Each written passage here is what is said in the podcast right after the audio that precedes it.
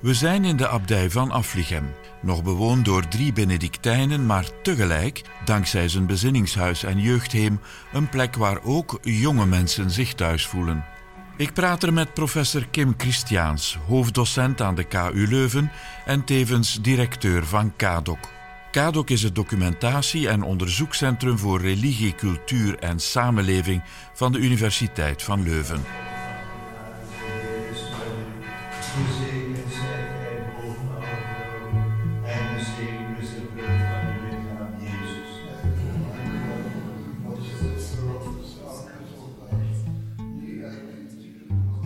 Professor Christiaans is onder meer gespecialiseerd in de sociale en politieke geschiedenis van het katholicisme in de 19e en 20e eeuw.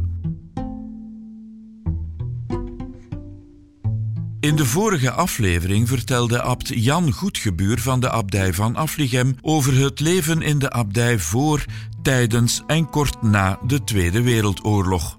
Zijn verhaal is ook een verhaal over de kerk van die tijd. Een heel andere kerk dan die van vandaag. De kerk was toen, hoewel intern verscheiden, zeer hiërarchisch gestructureerd. Ze gaf een belangrijke plaats aan status en symboliek. Het bezoek van een nuntius, bijvoorbeeld een pauselijk vertegenwoordiger, was in de tijd van Abt Jan een bijzondere belevenis. Hoewel Leuven zijn universiteit al had, werden kloosterlingen voor een opleiding naar Rome gestuurd. Zo was men zekerder dat ze zuiver in de leer terugkwamen. Maar eerst die nuntius en waarom die zo belangrijk was.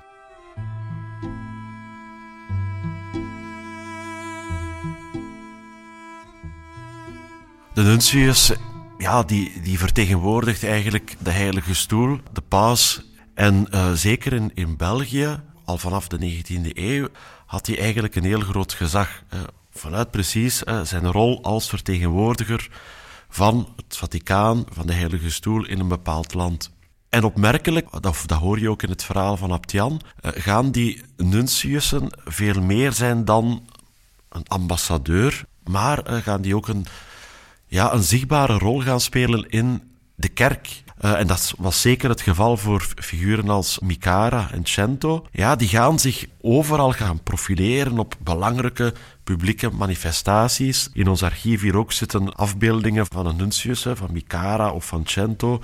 Tijdens grote vieringen, ook met de koninklijke familie, eh, waarbij de nuntius zich echt profileert als een soort, ja, wat hij ook was, de eerste diplomaat van het land, van België, dat is eigenlijk de nuntius.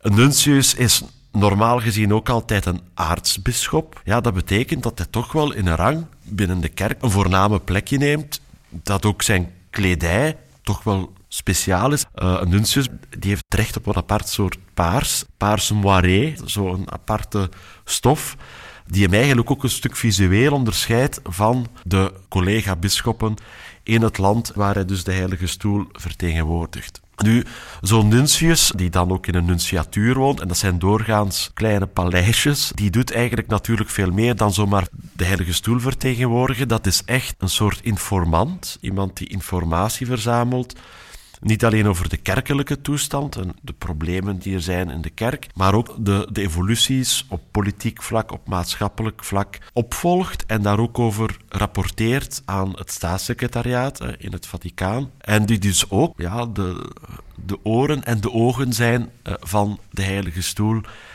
En vanuit Brussel gaat hij ook natuurlijk zeer dicht zich begeven in de diplomatieke wereld, ook op het politieke vlak.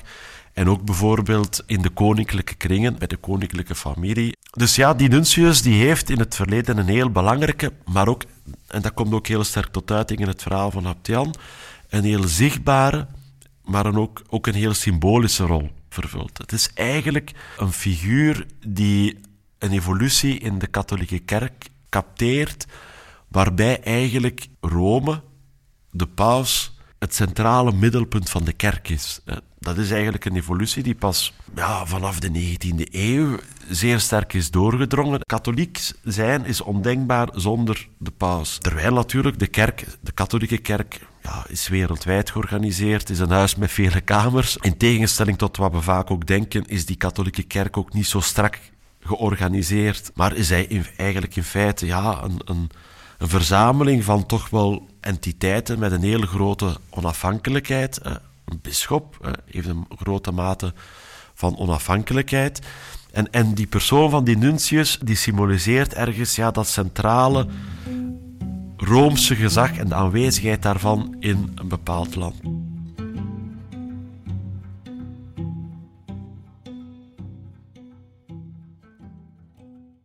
Het is ook zo in België vanaf de 19e eeuw dat de nuntius ook deel neemt of deel nam aan de bisschoppenconferenties.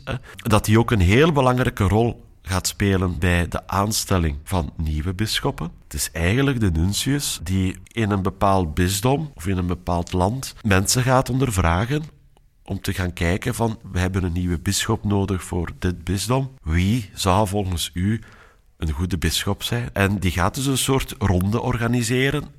Niet alleen trouwens bij, bij andere bisschoppen of bij, bij priesters, bij de klerus, maar ook bijvoorbeeld bij belangrijke katholieke families, bij belangrijke katholieke organisaties. En op basis van, van dat onderzoek wordt er een zogenaamde terna opgesteld. Dat is een, een lijstje met drie kandidaten.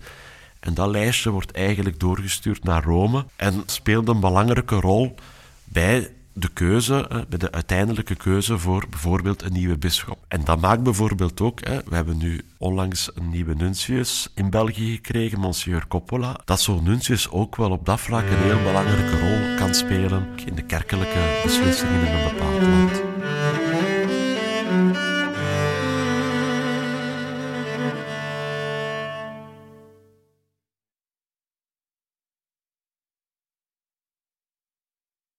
Mensen, de nuncius als Mikare, als, als een nuncius als Cento, ja, die waren heel zichtbaar, heel prominent aanwezig in de publieke ruimte, ook op politiek vlak. En dat is toch wel vanaf de jaren 60, 70 uh, opmerkelijk uh, verminderd. Vandaag de dag ook nemen de nuncius neemt in principe ook geen deel aan de bisschoppenconferentie. Het was te lange tijd de gewoonte, maar dat is ook verloren gegaan. En eigenlijk, ja, de voorbije decennia zijn de nunciussen eigenlijk uh, zeer sterk naar de achtergrond gegaan.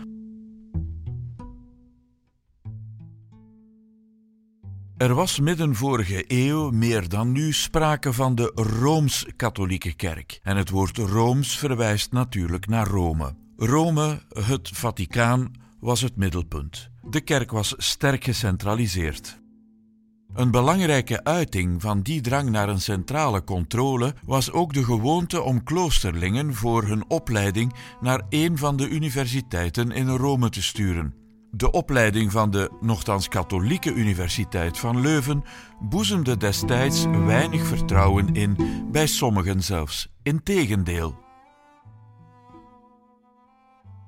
Je ziet eigenlijk al vanaf de 19e eeuw dat een opleiding in Rome wordt gezien als een garantie voor een deugdelijke uh, opleiding uh, conform de Rooms-Katholieke leer. En ook werd gezien als een goede opstap naar een, een, kerkelijke loopbaan. Dat begint al eigenlijk in de 19e eeuw. Ja, Abt Jan vermeldt daar de Lateraanse Universiteit, maar eigenlijk er waren verschillende universiteiten, Athenea, colleges, die door orden en congregaties in de 19e eeuw werden opgericht in Rome.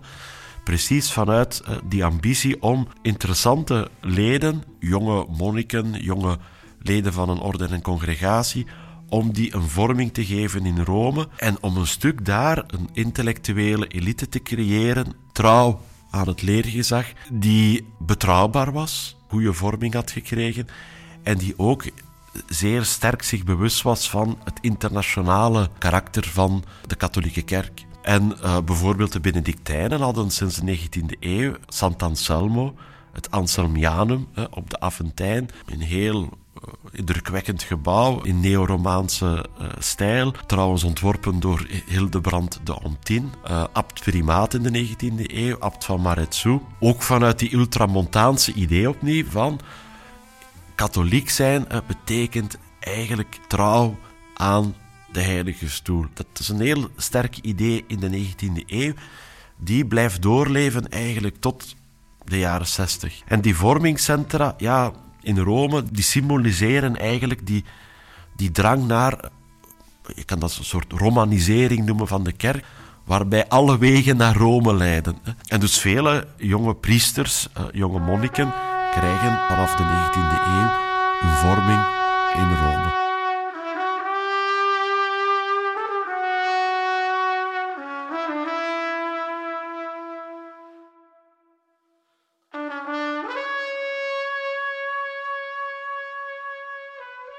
Uiteraard was er ook een, een universiteit uh, hier in Leuven. Hè. Maar daar werd toch, zeker door de reguliere klerus, met enige argwaan naar gekeken. De universiteit uiteraard was in handen van de Belgische bisdommen, bisschoppen. Het was uiteraard ook een katholieke, een degelijke katholieke universiteit. Maar het was toch een totaal ander klimaat in vergelijking met die Romeinse universiteiten. Er was ook wel ergens vaak de impliciete bekommernis van ja, jonge monniken naar Leuven sturen. Dat kan toch ook wel enkele risico's inhouden. Ik heb ooit eens gehoord van een oude monnik die zei: Leuven, dat is de abortuskliniek van Mechelen. Jonge priesters, heel intellectueel bekwaam, veel potentieel, die dan studeren op het seminarie in een heel kerkelijke omgeving en die dan in Leuven terechtkomen en die dan uiteindelijk in Leuven iemand ontmoeten of intellectueel ook veranderingen ondergaan en die dan uiteindelijk hun kap over de haag gooien. Dus daar werd wel met enige sepsis naar gekeken, naar die, naar die katholieke universiteit. Zeker in die context van de jaren uh, eh, 40 en 50. En vandaar ook precies, Rome werd gezien als een garantie op een degelijke opleiding die uh, jonge monniken, eh, Abtjan moest trouwens zijn jongere medebroeder vergezellen, uh, als een soort bewaker naar Rome. Ja, dat was een klimaat waarin precies die, die geestelijke roeping ten volle kon worden bewaakt in de ideale omstandigheden.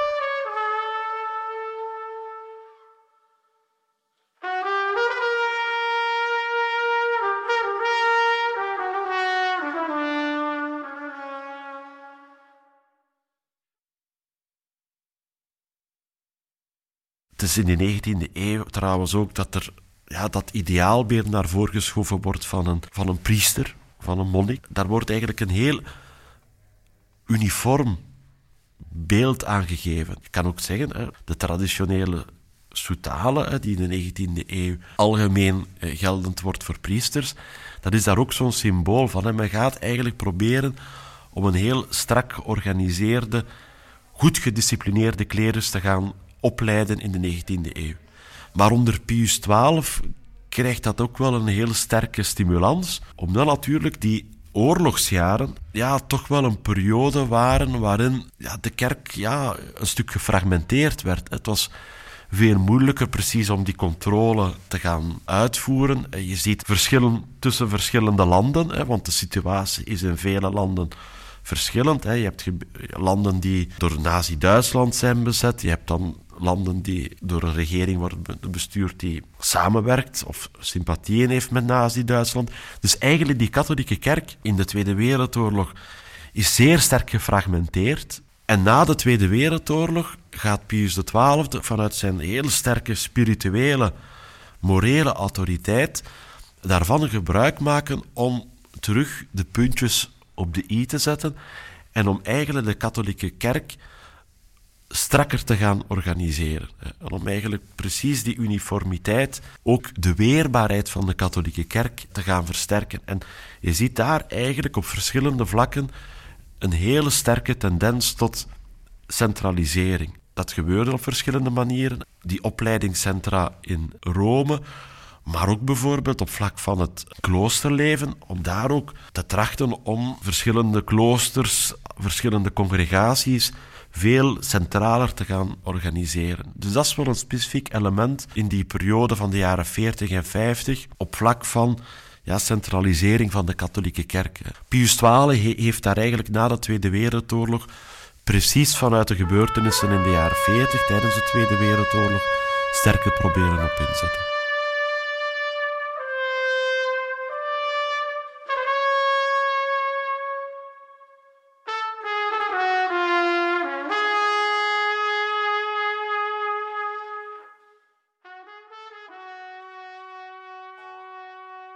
Heel merkwaardig, of net niet, In deze periode van centralisering en strakke leiding van de kerk, gecombineerd met een Tweede Wereldoorlog, piekt het aantal roepingen.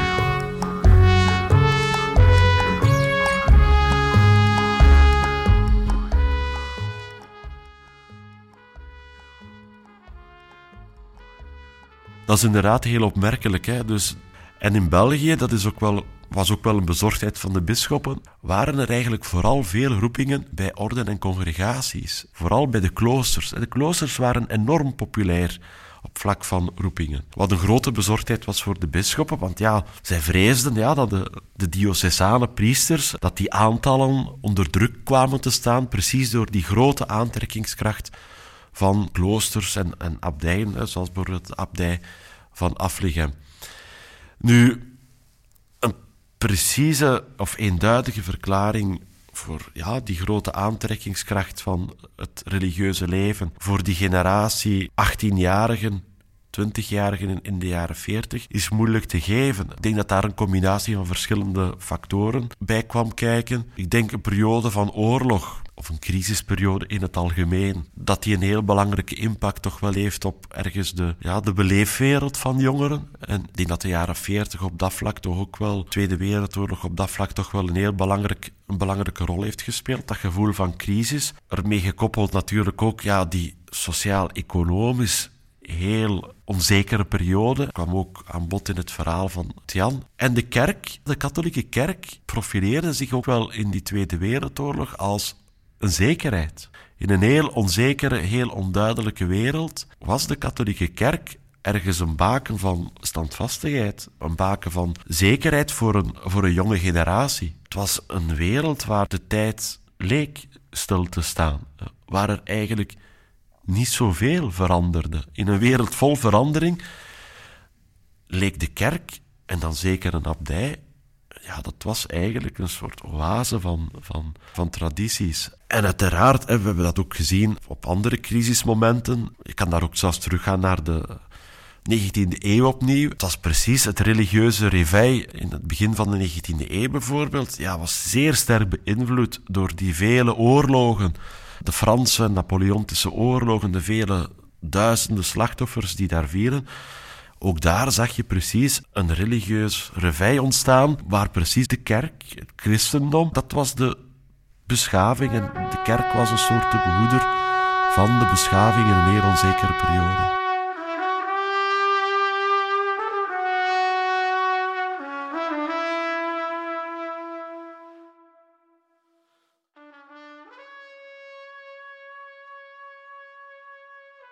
De abdij van Aflichem vonden tijdens de Tweede Wereldoorlog zowel gewone burgers als gedeserteerde Duitse militairen een onderkomen.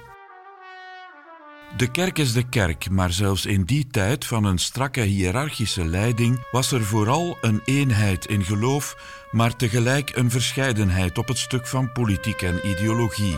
Een spagaat dat mag verwonderen.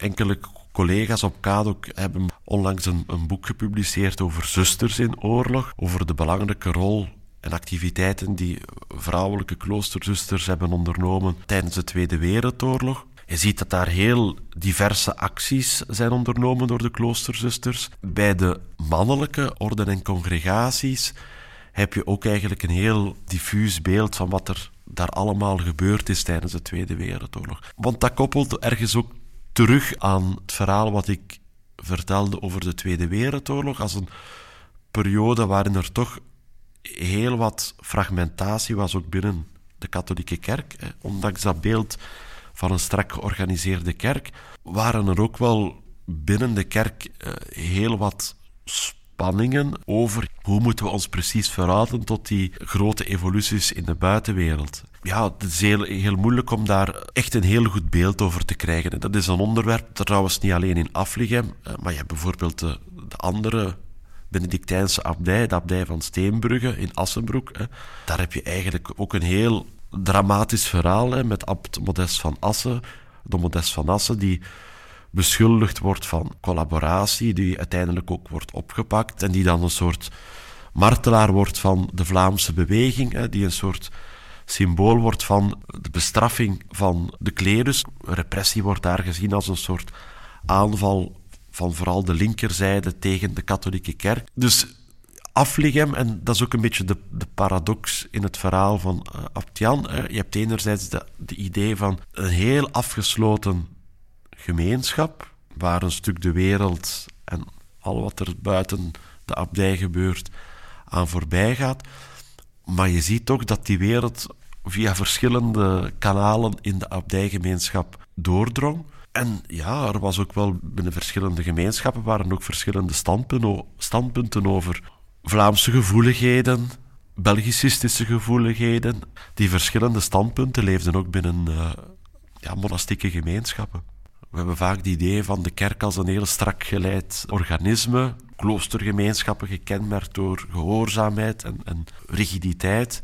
Maar je ziet dat in die kloostergemeenschappen verschillende figuren leven daar samen. De realiteit is op dat vlak anders dan het ideaalbeeld.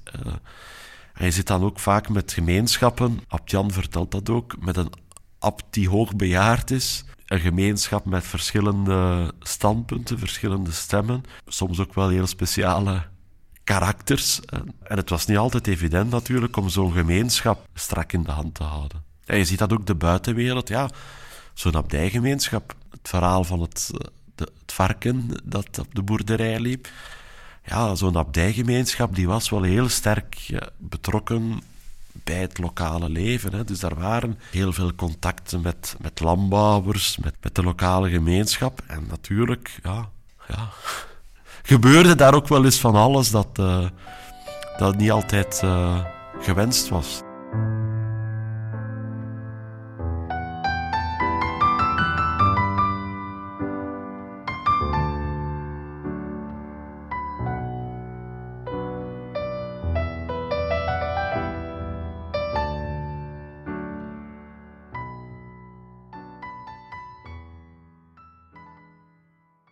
Je hebt het ganse debat rond wat is nu precies die plaats van, de plaats van en de rol van de katholieke kerk tijdens de Tweede Wereldoorlog. Ja, je ziet daar een heel ambigu beeld dat ook een stuk samenhangt met de, met de heel ambiguë houding van het uh, nazisme ten opzichte van de katholieke kerk. In Duitsland heb je bijvoorbeeld uh, ja, kloostergemeenschappen die al in de jaren dertig worden vervolgd door het naziregime. Maar tegelijkertijd worden die gemeenschappen ook ontzien, gespaard door de, Duitse, de, Duitsers. Eh, niet alleen in, in Nazi-Duitsland, maar ook in de bezette gebieden. En je kan eigenlijk zeggen dat, dat er in België geen uh, grote aanvallen of represailles zijn gebeurd ten opzichte van uh, katholieke gemeenschappen. Dat hangt ook een beetje samen met, met de eigenheid van de Duitse bezetting natuurlijk hier in België, waarbij de Duitse bezetting voornamelijk als doel had om orde en stabiliteit te garanderen over, het, uh, over België. En waarbij in belangrijke mate de bestaande bestuurstructuren zoveel mogelijk werden uh, behouden. Dus dat was eigenlijk de centrale doelstelling van die Duitse bezetting hier in België. Ervoor zorgen dat de Belgische economie, dat het maatschappelijke leven zoveel mogelijk blijft verder lopen. Precies om die grote oorlogsinspanningen van Duitsland ook mee te kunnen gaan ondersteunen. Dus dat is ook wel een stuk de specificiteit van die Duitse bezetting hier in België geweest.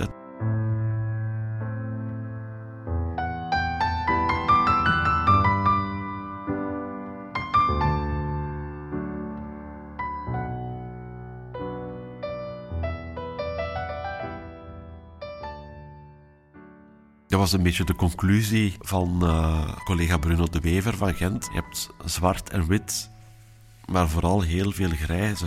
En dat hangt toch ook wel een beetje samen met precies die, die specificiteit van het religieuze leven. Een zekere afstand ten opzichte van de wereld, maar ook een zekere afstand ten opzichte van de politiek. Eigenlijk de politiek-politicien, partijpolitieke. En dat gebeurde ook al vanaf de jaren 20 en 30 zie je een heel interessante evolutie, waarbij de kerk zich bewust wordt van het gevaar van ja, de opkomst van die nieuwe ordebewegingen, het fascisme, het nazisme. En zich ook bewust is van het feit dat er in eigen rangen verschillende ideeën zijn over die nieuwe ordebewegingen. Je ziet van bijvoorbeeld in de jaren 20 en 30 dat dan de idee ontstaat van we moeten vooral hè, het primaat van ons geloof en religie gaan beklemtonen met een zekere afstand ten opzichte van al die politieke bewegingen, niet alleen de rechterzijde, maar ook op de linkerzijde. Dat is eigenlijk de beste manier om de katholieke kerk doorheen dat woelige water te laten bewegen. En dus dan ontstaat eigenlijk die idee van die grote massabewegingen binnen de katholieke kerk, die zich gaan, gaan laten inspireren door grootse karakter van die nieuwe ordebewegingen. Denk aan die grote massamanifestaties. Maar ook zich specifiek gaan richten naar bepaalde doelgroepen. Jongerenwerking, vrouwenwerking. Eh, eigenlijk gaat de katholieke kerk als reactie op de opkomst van die totalitaire ideologieën in het interbellum zich ook anders gaan organiseren. Eh, met veel meer aandacht precies voor het mobiliseren van de massa voor uh, de katholieke kerk met ergens een gezonde afstand, gezond daar kan je over discussiëren, maar met enige afstand ten opzichte van al die politieke strubbelingen. Dus de kerk gaat zich op dat vlak ook maatschappelijk autonomer trachten te organiseren. Dat is een heel interessant, uh, interessante evolutie die je eigenlijk al ziet in de jaren 20 en, en, de jaren 30. En sommige critici zeggen, ja, precies daardoor heeft de katholieke kerk een vrijgeleide gegeven aan extreme partijen om de bovenland te halen. Je had verschillende reacties, Action Française in Frankrijk, hè, waarbij het katholicisme werd gecombineerd met een heel uitgesproken politieke agenda. Action Française is ook verboden door het Vaticaan, precies omdat men zich bewust was van de heel moeilijke positie van de katholieke kerk ten opzichte van al die totalitaire ideologieën en, en, en stromingen. En dus de katholieke kerk gaat proberen om daar een, vooral een alternatief, dat is misschien de beste benadering, een alternatief naar voren te schuiven in een poging om precies de aanhang van die totalitaire partijen te gaan verminderen. En eigenlijk kan je zeggen dan, ja, dat was ook een beetje de indruk die er in vele landen leefde na de Tweede Wereldoorlog. Het failliet van de nieuwe orde, de katholieke kerk stond daar. Een boek zegt als een overwinnaar in het puin, ook heel mooi gesymboliseerd in, in, in fotomateriaal. Een stad, een land in ruïne, maar de katholieke kerk als eigenlijk een baken van, van stabiliteit, een baken van zekerheid in die heel moeilijke jaren na de Tweede Wereldoorlog. En dan heb je die figuur van Pius XII, die precies ergens daar ook zich profileert als de beschaving die er nog staat na alle gebeurtenissen, barbaarzeden van de Tweede Wereldoorlog. Dat is een heel belangrijk idee die ook precies mee verklaart waarom je na de Tweede Wereldoorlog precies dat rijke Roomse leven ziet ontstaan. Dus die idee dat de katholieke kerk ja, de uiteindelijke overwinnaar is van decennia, hè, strijd tegen die totalitaire ideologieën. En uiteraard moet ze zich op dat vlak ook natuurlijk opnieuw bewijzen na de Tweede Wereldoorlog, wanneer je de opkomst ziet van het communisme.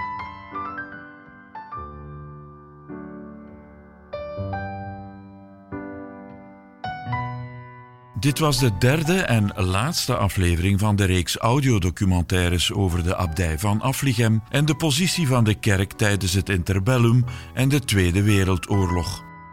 Later dit jaar volgt een drieluik, waarin ik in gesprek met historici inga op de manier waarop de kerk in België een aanbod ontwikkelt om gelovigen weg te houden van de nieuwe orde die toen opgeld maakte.